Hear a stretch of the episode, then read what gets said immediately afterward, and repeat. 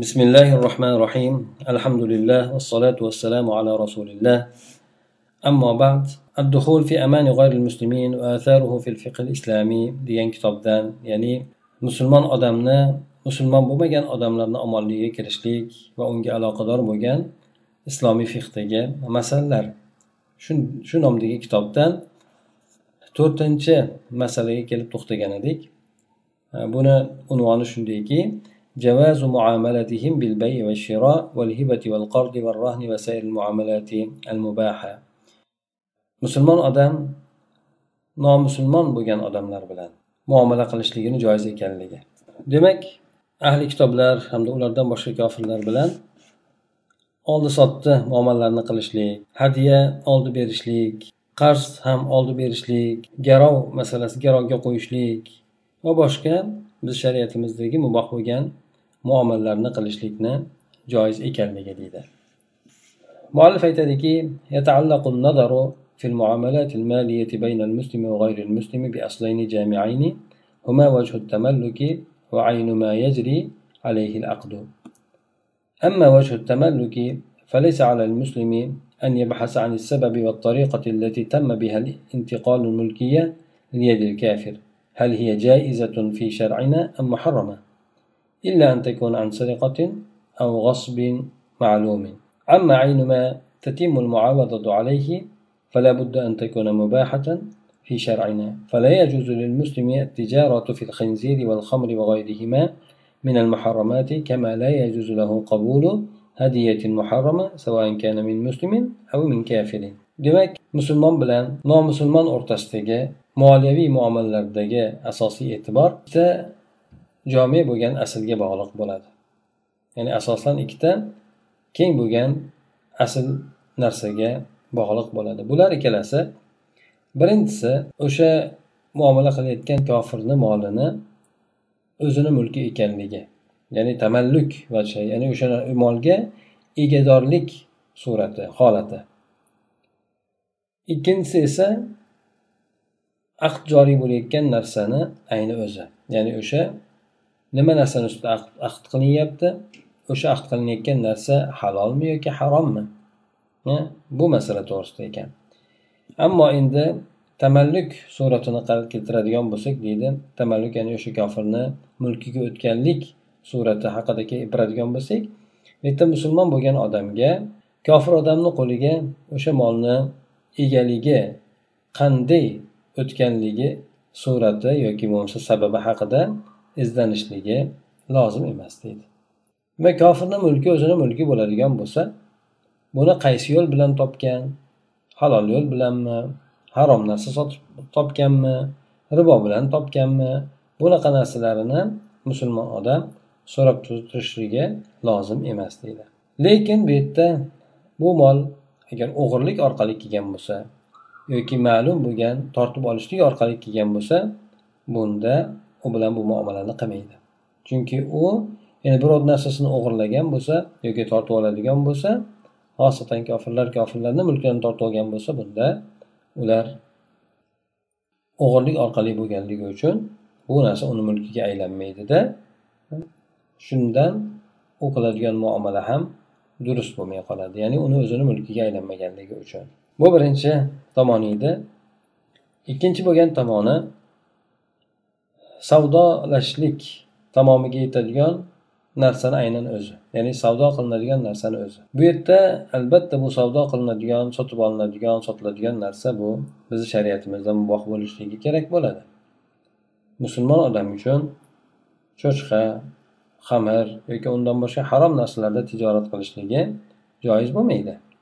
Chunonchi yana unga musulmon bo'lgan odamga harom bo'lgan hadyani qabul qilishligi ham mumkin emas. Albatta bu narsa kofirdan bo'lsin musulmondan bo'lsin farqi yo'qdir deydi. Demak yuqoridagi ikkita suratda aytib o'tilishicha o'sha muomala kofir bilan muomala qilinadigan bo'lsa o'sha mulk kofirni o'zini mulki bo'lishligi ya'ni qo'liga tekkan o'sha mulkiga kirgan mulk bo'lishligi kerak ekan. Ikkinchisi ya'ni bu narsada bizga uni qaysi yo'ldan topgan ekanligini so'rab surishtirishlik hojati yo'q ekan. Agar ma'lum bo'lib qolsaki bu narsa o'g'irligi orqali kelgan yoki bo'lmasa birovlarni qo'lidan tortib olgan mana shu yo'l orqali kelgan bo'lsa o'sha mulkka ega bo'lgan bo'lsa bunda u bilan bunday muomala qilinmaydi. Lekin endi bular urush qilib bitta joydan o'lja qilib olib kelgan bo'lsa bu narsa joiz bo'laveradi. Ya'ni ularni mulkiga o'tgan bo'ladi. Hattoki musulmonlarni mulkini bosib olib olishgan bo'lsa ham ularni mulkiga aylangan bo'ladi. Endi bu yerda ko'chada birovni mulkini o'g'irlab olib qaroqchilik qilgan bo'lsa unda bu masala to'g'risida aytib o'tildi bu holatda ular bilan muomala qilishlik bo'lmaydi dedi ikkinchi surati demak o'sha savdo qilinayotgan narsani o'zi bizni shariatimizda harom bo'lmasligi talab qilinar ekan فبهذين الضابطين يستطيع المسلم معاملة غير المسلم من غير حرج وقد كان رسول الله صلى الله عليه وسلم يتعامل مع المشركين وأهل الكتاب بالبيع والشراء والقرض والرهن ويقبل هديتهم ويأكل من طعامهم ولا يسأل وجه تملكهم له ما دام في نفسه حلالا طيبا mana shu ikkita asosiy masala masala bilan yoki shu ikkita keltirilgan shartlar bilan musulmon odam hech qanaqangi bir qiyinchiliksiz hech qanaqangi bir siqintiliksiz musulmon bo'lmagan odam bilan muomala qilishligi bo'laveradi rasululloh sollallohu alayhi vasallam mushriklar bilan ham ahli kitoblar bilan ham oldi sotdi muomalalarni qarz oldi berdi muomalalarini qilgan garov oldi berdi muomalalarini ham qilar edilar. Ularni hadyalarini qabul etardilar taomlaridan yeyar edi lekin ularni o'sha narsalarga qanday erishganlik surati haqida so'rab yotmasdilar. Modomiki o'sha muomala qilayotgan narsasi o'z nafsida halol bo'ladigan bo'lsa ya'ni halol tovar bo'ladigan bo'lsa uni payg'ambar alayhissalom mana u kishidan rivoyat qilinmaganki qaysi yo'l bilan qo'lga kiritgan ekanligi. Mana shundan demak ma'lum bo'ladiki kofir bo'lgan odamni mulki o'zi nafsida halol bo'ladigan bo'lsa u bilan oldi sotdi muomalasini qilishligi joiz bo'laverar ekan. قال أبو بكر ابن العربي المالكي رحمه الله عند قوله تعالى وأخذهم الربا وقد نهوا عنه وأكلهم أموال الناس بالباطل قد بين الله تعالى في هذه الآية أنهم نهوا عن الربا وأكل مال بالباطل فإن كان ذلك خبرا عما نزل على محمد صلى الله عليه وسلم في القرآن وأنهم دخلوا في الخطاب فبها ونعمت. وإن كان ذلك خبرا عما أنزل الله عز وجل على موسى عليه السلام في التوراة وأنهم بدلوا وحرفوا وعصوا وخالفوا فهل يجوز لنا معاملاتهم؟ والقوم قد أفسدوا أموالهم في دينهم أم لا؟ فظنت طائفة أن معاملتهم لا تجوز. وذلك لما في أموالهم من هذا الفساد والصحيح جواز معاملتهم مع رباهم واقتحامهم ما حرم الله سبحانه عليهم فقد قام الدليل القاطع على ذلك قرآنا وسنة. قال تعالى وطعام الذين أوتوا الكتاب حل لكم وطعامكم حل لهم. أبو بكر ابن عربي المالكي بكشة تدلركي بكشة demak molikiy olimlardan hisoblanadi. Ibnul arabiy aliflom bilan keltirilgan. Ibn arabiy bu sofiylarni katta bir nimalardan bo'ladi. Bu kishi bu emas balki ibn arabiy bu kishi molikiy olimlardan hisoblanadi. Bu kishi alloh taoloni ushbu oyati to'g'risida keltirib o'tgan ekanki ya'ni bu ahli kitoblarda xosatan yahudlarni ribo olganliklari sabablik ularga demak balo bo'lishligini aytib o'tiladi. Darhaqiqat ular bu narsadan o'zi qaytarilishgan edi. Odamlarni hamda botil bo'lgan mol mulklarni yeganliklari sababli bularga shunday alloh taolo tomonidan qattiq bir uqubatlar beriladi.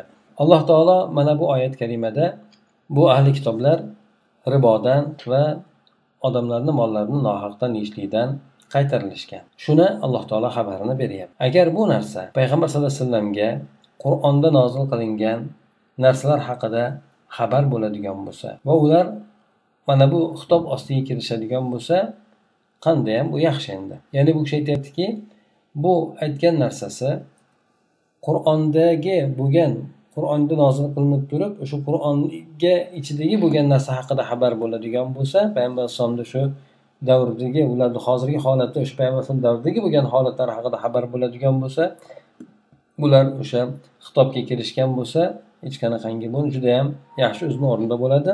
Sababi bular mana harom narsani qilishgan bo'ladi ribo yeyishgan bo'ladi odamlarni mollarini nohaqdan yeyishgan bo'ladi lekin payg'ambar alayhisalom bular bilan muomala qilgan bo'ladi oldi sotdi muomalalarni.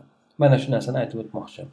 Agar bu narsa alloh azza va jalla muso alayhissalomga tavrotda nozil qilgan narsa haqida xabar bo'ladigan bo'lsa holbuki ular bu tavrotda bo'lgan narsalarni o'zgartirib tashlashgan almashtirib tashlashgan osiylik qilishgan ishlarga muxoliflik qilishgan.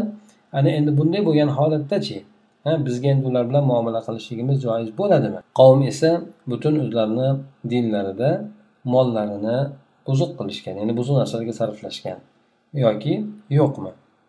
Ha demak shunday bo'lib turgan paytida bizga ularni bilan muomala qilishligimiz joiz bo'ladimi? Ya'ni mollari harom narsalarga aralashib ketgan bo'lsa buzuqchilik narsalarga aralashib ketgan bo'lsa ular bilan muomala qilsak bo'ladimi yoki yo'qmi?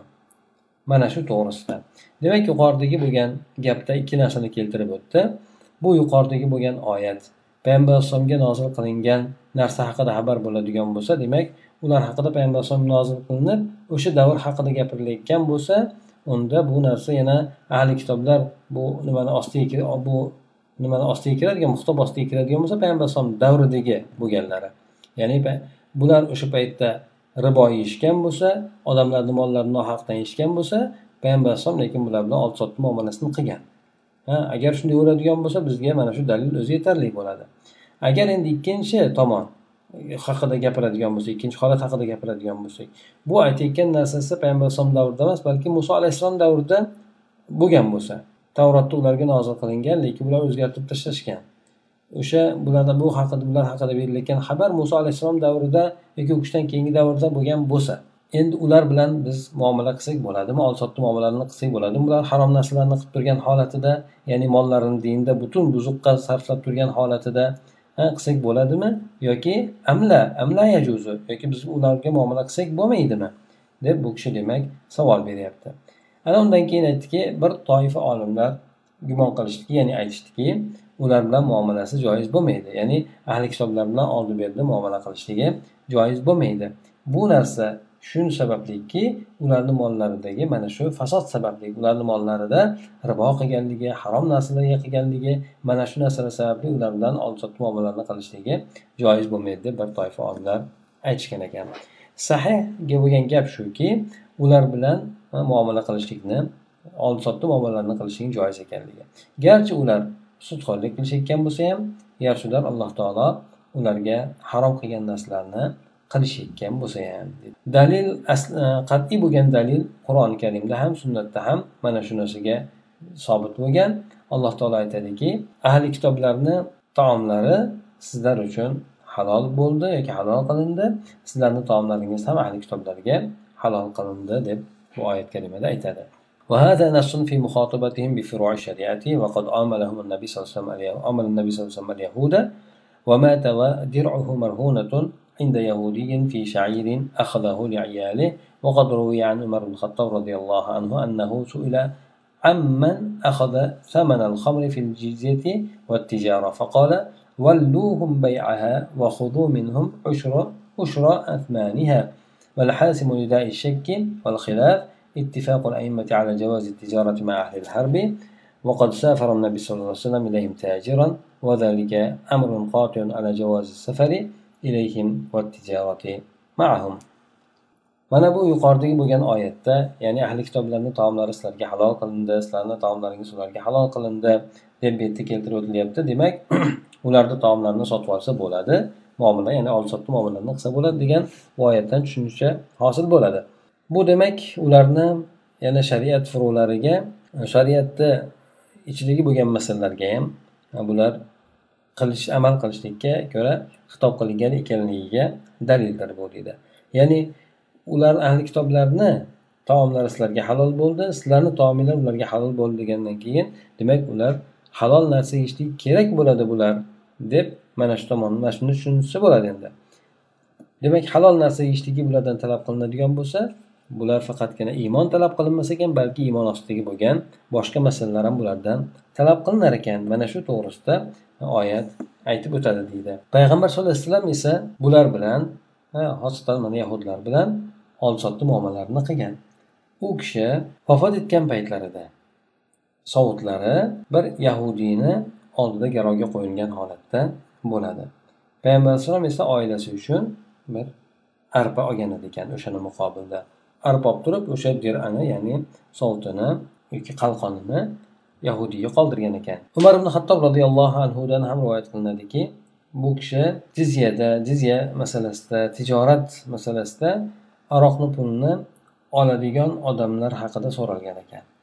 Ya'ni jizyada shu kofirlardan jizya olinadi. Bu yilda bir marta taxminan ikki tilla tanga miqdorda olishadi. Yoki tijorat borasida o'sha e, xamirni pulni olishlik oladigan odamlar haqida so'ralgan ekan. Shunda umar roziyallohu anhu aytgan ekanlarki savdo sotig'ini ularni o'ziga qo'yib beringlar. Sizlar ular o'zi kimga sotadigan bo'lsa sotsinda o'sha sotgan pullarini ushrini olinglar sizlar. O'ndan birini olinglar degan ekan. Ya'ni bular harom narsa yetishtiradigan bo'lsa yoki bo'lmasa ya'ni kofirlardan jizyaga harom narsa olishlikdan bu kishi qaytadilar boshqa narsamiz masalan arog'imiz bor. Boshqa narsamiz yo'q deb turib oladigan bo'lsa ularni qo'yib beringlar o'ziga qo'yib beringlar sizlar olib turib sotmanglar sizlar uni. Balki o'zlariga qo'yib beringlar o'zlari kimga shu ahli kitoblarni kimga sotadigan bo'lsa sotsin. Sotgandan keyin o'sha sizlarga to'laydigan pulini o'sha o'zlari sotgan narsasidan bersin deb umar roziyallohu anhu ularga shunday deb aytgan ekan. Sizlar esa o'sha jizya hisobida ulardan harom bo'lgan narsalarni olmanglar deb aytgan ekan. Bu yerdagi shakni xilof narsa masalasini qat'an hal qiluvchi bo'lgan narsa shuki imomlar ahli harb bilan birgalikda tijorat ishlarini qilishlikni joiz ekanligiga ittifoq kelganliklaridir. Payg'ambar sallallohu alayhi vasallam o'zlari ham ahli harb tomoniga tijoratchi bo'lib safar qilganlar ya'ni ahli kitoblar tomonlariga tijorat bo'lib tijorat qiluvchi bo'lib safar qilganlar. Bu narsa ularga safar qilishlikni joiz ekanligiga qat'iy bo'lgan ish hisoblanadi va ular bilan tijorat qilishlikni joiz ekanligiga ham qat'iy kelgan dalil hisoblanadi dedi.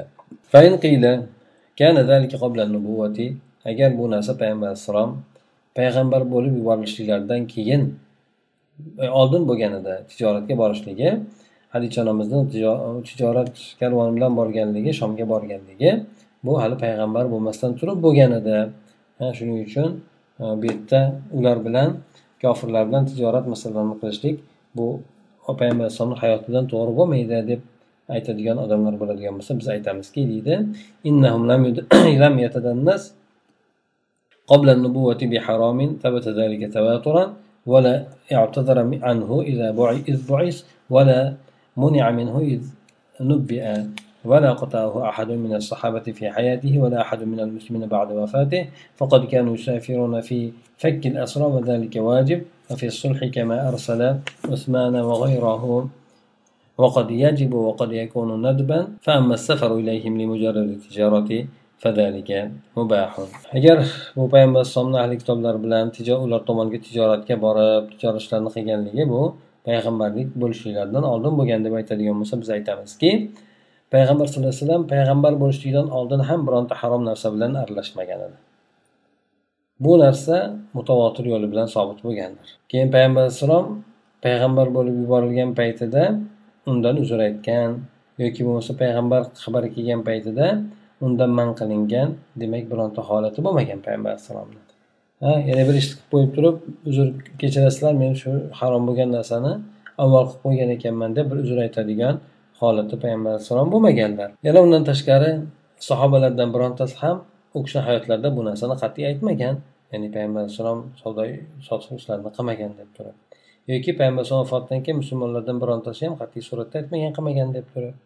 Bular o'sha sahobalar payg'ambar alayhisalom davridagilar asrlarni ozod qilishlikda safar qilishar edi. Bu narsa aslida vojib. Ya'ni ulardan o'sha asllarni sotib olishardi xuddi shuningdek e, sulh masalasida ham mana usmon roziyallohu anhuni sulhul hudaybiyada u kishidan boshqalarni yuborardi ba'zan esa bu narsa vojib bo'ladi ba'zan mustahab bo'ladi. Ammo endi ularga safar qilishlik faqat tijorat uchun safar qilishlik bo'ladigan bo'lsa bu narsa mubohdir ya'ni bu masalalar elchi qilib yuborishlik yoki qul e, nimalarni asrlarni ozod qilishlik bu narsalar vojib bo'lishligi yoki ba'zi masalalar esa mandub mustahab bo'lishligi lekin ularga quruq tijorat maqsadida safar qilishligi bo'ladigan bo'lsa bu narsa muboh ishlardan deb sanaladi deydi. Bundan demak shu narsa tushunilar ekanki payg'ambar alayhissalom garchi payg'ambar bo'lishligidan oldin tijorat bilan shug'ullangan bo'lsalarda bu narsa demak kofirlar bilan muomala qilishlik mumkin emas ekanligi hech qanaqangi dalil bo'lmaydi balki bu aksincha kofirlar bilan muomala qilishlik joiz ekanligiga dalil bo'ladi deb aytishgan ekan يقطع به كل مسلم عاقل ومع ذلك فقد ألقى الشيطان إلى نفوس بعض ضعفاء المسلمين المقيمين في الغرب بأن جميع معاملتهم معاملاتهم مع أهل تلك البلاد محرمة لانتشار الربا والمحرمات في معاملاتهم وأدى بهم هذا الوسواس إلى استحلال مباشرة جميع جميع المعاملات المحرمة وإلى استحلال أموال الكفار بالسرقة والاحتيال nasalloh taala assalamata va afiya mana bu asl demak yuqoridagi joiz ekanligi to'g'risida aytilgan asl har bir aqlli bo'lgan musulmon odam buni qat'an aytadigan ochiq narsadir deydi shu bilan birgalikda shunday bo'lsada ya'ni ular bilan muomala qilishning joiz ekanligi garchi ular harom narsalarni qilib turgan bo'lsa ham mana shu narsa bilan birgalikda shayton ba'zi zaif bo'lgan g'arbda yashaydigan zaif iymoni zaif bo'lgan musulmonlarga hop ko'ngliga bir narsani tashlaganki bu ularni ahli kitob o'sha yordagi bo'lgan odamlar bilan birgalikda bo'layotgan muomalalarni hammasi harom deb shunaqa shayton ularga vasvasa qilgan. Bu narsa ularni muomalalarida harom bo'lgan narsalarni borligi yoki sudxo'rlikni tarqalib ketganligi sababli ular bilan muomala qilishlik mumkin emas. Chunki ularni topgan pullari olgan bankdan olgan pullari harom bo'ladi. Shuning uchun u harom pul bilan muomala qilinmaydi. E, degan yoki bo'lmasa o'sha e, bankka muomala qiladigan zavodlari chiqarayotgan narsalar bo'lsin boshqa narsalar bo'lsin bular bilan muomala qilishlik bo'lmaydi degan e, masalani bular aytishgan. Bularni mana shu vasvasa esa borib borib bu muomala qilishlik mumkin emas degandan keyin o'sha harom bo'lgan muomalalarni hammasini bevosita halol qilishlikkacha olib borib qo'ygan. Buni ya'ni bularni nima nima deb? Ya'ni kofirlarni mollarini o'g'irlab olsa ham bo'laveradi hiyla bilan olsa ham bo'laveradi. Shu halol degan deb aytishlikkacha borib qolgan deydi. Alloh taolodan bu narsalardan salomatlik ofiyatni so'raymiz deydi. Demak ularni mollari harom bo'lgandan keyin oldi sotdi qilinmaydi lekin ularni mollarini o'g'irlab olsa yoki hiyla qilib olsa bo'laveradi degan gaplarni aytishgan deb aytib o'tadi. Hop bu yerda pastda izohda keltirib o'tgan ekan uni ham biroz o'qib o'tamiz. Asosan ikkinchi e, masalasida birinchi yuqorida aytib o'tildi payg'ambar alayhissalom vafot etgan paytlarida yahudiydan o'sha arpa olgan edi o'sha to'g'risidagi rivoyatni keltirib o'tgan ekan ikkinchi bo'lgan izohda keltirib o'tadi umar roziyallohu anhuni dan qilingan rivoyat bu yerda aytadiki suvayd ibn g'aflada aytadi بلغ عمر بن الخطاب رضي الله عنه أن أماله يأخذون الجزية من الخمر فناشدهم ثلاثا فقال بلال إنهم لا يفعلون ذلك قال فلا تفعلوا ولكن ولوهم بيعها فإن اليهود حرمت عليهم الشحوم فباعوها وأكلوا أثمانها وإسناده صحيح deydi umar roziyallohu anhuga u kishini omillari ya'ni hokimlari o'sha boshqa diyorlardagi bo'lgan hokimlari aroqdan dizya olayotgan ekanligi xabari yetib qoldi dizyani aroqni ham bo'pti mayli deb o'zimiz sotib olamiz degan maqsadda demak olayotganligi yetib qoldi Umar roziyallohu anhu uch marta shu narsani qasam bilan so'radi shunday qilishyaptimi? Shunday qilishyaptimi? deb uch marta qasam ichib shunday qilyaptimi? deb so'radi. Bilol roziyallohu anhu aytdilarki ha ular shunday qilishyapti dedi. E unday qilishmasin. Lekin uni savdosini o'zlariga qo'yib bersin. O'zlari sotishsin. Musulmonlar ulardan jizya hisobini olib turib ularga sotmasin.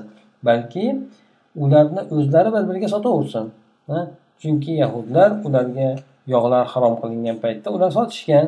Pulini ichgan o'zlari deb shunday deb aytgan ekan. Yana davom etib aytadiki وقال وقال أبو أبيد رحمه الله يريد أن المسلمين كانوا يأخذون من أهل الذمة الخمر والخنزير من جزية رؤوسهم وخراج أراضيهم بقيمتها ثم يتولى المسلمون بيعها فهذا الذي أنكر بلال ونهى عنه مرديدا أبو أبيد رحمه الله aytadiki bu yerda umar roziyallohu anhu bu bo'lib o'tgan gapda shu narsani iroda qilgandiki u bo'lib o'tgan gaplarda musulmonlar ahli zimmalardan ularni har boshlariga beriladigan jizyadan aroq cho'chqa shu narsalarni olishar edi. Va yerni harojidan ham mana shunaqa narsalarni olishardida o'sha qiymati bilan olar edi so'ng musulmonlar uni sotishlikni o'zlari boshqarishardi degani o'zlari musulmonlar olib turib sotishardi ya'ni jizya ma'lum har bitta odamni boshidan olinadi bu balog'atga yetgan erkak kishi bo'lishi kerak. Hop ayollardan qizlardan olinmaydi hamda yoshi o'tib ketgan qariyalardan ham olinmaydi bolalardan ham olinmaydi. Har bir kishini boshiga taxminan ikki tangadan ikki tilla tangadan olingan. Ana o'shani hisobida qiymati bilan demak ikki tangasi yo'qoladigan bo'lsa o'shani hisobida arog'i bo'ladigan bo'lsa xamiri bo'lsa yoki bo'lmasa cho'chqasi bo'lsa o'shani pul hisobida olib turib keyin musulmonlar o'zlari sotishgan ekan yoki bo'lmasa yerdan chiqadigan xaroj kelishilgan miqdorda yarmimi yoki undan ozrog'imi qanaqa bo'lsa kelishilgan miqdorda o'sha xarojini ya'ni yer musulmonlar bosib olgan bo'lsa ularga o'sha bir yerdan foydalanishlikni beradi uni hisobidan musulmonlarga ular o'sha joydan xaroj beradi bu narsa albatta zakot emas. Zakot bu musulmonlardan olinadi. Ulardan esa xaroj olinadi. Qiymatini bichib turib bulardan o'sha miqdorda cho'chqa yoki xamir shunga o'xshagan narsalarni ham olishavergan ekan. Umar roziyallohu anhu mana shu narsadan ularni qaytargan ekan. Ho'p qaytarib turib keyin lekin ularga o'shani pulidan olishlikka umar ruxsat bergan ekan. Agar ahli ahli zimma ya'ni ahli kitoblar savdo sotig'ini o'sha narsalarni harom bo'lgan narsalarni sotishligini o'zlari boshqarishadigan bo'lsa o'zlari olib sotib qilishadigan bo'lsa o'sha sotib bo'lgandan keyin pul tushadigan bo'lsa pulidan olinglar deb turib aytgan ekan chunki xamir ham cho'chqalar ham bu narsalar ahli zimmani mollaridan bo'lgan mos mulk hisoblanadi lekin musulmonlarni mulkidan sanalmaydi bu narsa shayxul islom taymiya rahimalloh aytgan ekanki وما قبض بتأويل فإنه يسوغ للمسلم أن يشتريه ممن قبضه bir tavil bilan bir qo'lga kiritiladigan narsa bo'lsa ya'ni hop tavil bilan degani bir ba'zi mazhablarda ham bor. Bu narsa ularda bittasida harom bo'lsa bittasida harom emas. Demak harom emas bo'lgan odam o'sha narsani savdosini qildi. Hop ana shunday narsa bilan olinadigan bo'lsa bunda musulmon odam uchun o'sha uni sotib olgan uni qo'lga kiritgan odamdan sotib olishligi e, nima bo'lmaydi? Ya'ni joiz bo'laveradi. Garchi bu yerda sotib olayotgan odam o'sha o'sha ahdni harom ekanligini e'tiqod qiladigan bo'lsa ham deydi. Ya'ni bittasi bittasi bilan ush savdosini qilgan. Ba'zi mazhablarda bu narsalar halol bo'lsa bittasida harom bo'ladi endi. O'sha halol bo'lganda ular o'sha orqali pul topdi endi. Keyin bir boshqa bo'lgan odam uni sotib olyapti endi yoki bo'lmasa o'shani puldan olyapti. Garchi u narsani harom ekanligini e'tiqod qiladigan bo'lsa ham bu yerdagi odamlar olsa bo'laveradi deydi mana bu yerda o'sha misolni xuddi zimmiylarga o'xshab misol keltirayotadiki mana ular bir aroqni sotadigan bo'lsa uni pulini oladigan bo'lsa musulmon uchun o'sha pulda ular bilan muomala qilishligi joiz bo'laveradi. Garchi musulmon odam uchun o'sha aroqni yoki xamirni sotishlik joiz bo'lmaydigan bo'lsa ham. Yana umar hattob roziyallohu anhu bu to'g'risida aytganlarki uni savdosini o'zlariga qo'yib beringlar lekin sizlar pullarini olinglar degan. Buni sababi esa u kishini ba'zi hokimlari jizyada xamirlarni olishardi. Xamirni esa yana ahli zimmalarga musulmonlar o'zlari sotishardida ha o'sha pulini keyin baytul molga qo'yishardi. Bu narsa umar roziyallohu anhuga yetib qolgan paytda umar buni inkor qildi. Aytdiki savdosini o'zlariga qo'yib beringlar hamda sizlar pullarni olinglar xoloslar olib turib o'zinglar sotmanglar dedi. Bu narsa umar roziyallohu anhudan sobit bo'lgan. Bu mazhab imomlarini so'zlari ham mana shunga mana shundan iborat. Shuningdek hop kimki e, usul o'zini mazhabida joiz deb e'tiqod qilinadigan bir muomalani qiladigan bo'lsa va molni qo'lga kiritadigan bo'lsa o'sha muomalani qilib turib undan boshqa odam uchun o'shandan o'sha undan o'sha molni sotib olishligi joiz bo'laveradi. Garchi o'sha muomalani joiz ekanligini aytmaydigan bo'lsa ham deydi. Demak bu yerda bir tomon o'zini hisobida e, o'zini mazhabiga ko'ra yoki o'zini ergashgan odamlarga ko'ra u narsani halol deb olgan bo'lsa boshqalar undan u narsani e, sotib olishligi yoki uni puldan olishligi mumkin bo'ladi. Mana shu demak gapni bu kishi aytib o'tgan ekan. Bu demak to'rtinchi masalamizdan bo'lgan xulosa musulmon odam ahli kitoblar bilan tijorat muomalalarini yoki oldi sotdi qarz havola muomalalarni qilsa bo'laveradi ekan. Bu molni ular qayerdan topganligini surishtirib yotishligini hojati yo'q ekan. Chunki bu narsa ularni mulkiga aylangandan keyin ularni mulkida umumiy suratda ahli kitoblar bilan oldi sotdi muomalasini qilsa bo'laveradi. Aytib o'tdik garchi musulmonlarni diyoriga hujum qilganda o'shalar diyoridan hujum qilib olgan bo'lsa lekin aytaylik o'g'irlab olib ketganlik bu narsalar kirmaydi endi. Ba'zida e, mablag'larni mulklarni o'g'irlab olib ketishadi. Lekin bu narsalar o'g'irlab olib ketadigan bo'lsa bu narsalar harom bo'ladi. Lekin o'g'irlab olib ketmasdan ular bosib olgan bo'lsa shu bosib olgandan bular mulklarni o'zlariniki qilib olib ketgan bo'lsa unda uni yo'rig'i boshqa bo'ladi. U narsa musulmon odam ularni qo'liga o'tgandan keyin u narsani sotib olsa bo'laveradi. U narsa haqida demak musulmon odam agar e, zohir ular e, sudxo'rlikka aralashganmi yoki bo'lmasa harom narsalarni sotganmi va ular bilan muomala qilsa bo'laveradi faqatgina o'g'irlik shunga o'xshagan hiyla qilishlik aldashlik shunga o'xshagan narsalar orqali ularni qo'liga yoki mulkiga aylanmagan bo'lsa bo'ldi ularni bular bilan muomala qilishligi joiz ekan deb aytib o'tadi سبحانك اللهم وبحمدك نشهد أن لا إله إلا أنت نستغفرك ونتوب إليك اللهم انفعنا بما علمتنا وعلمنا ما ينفعنا وزدنا علما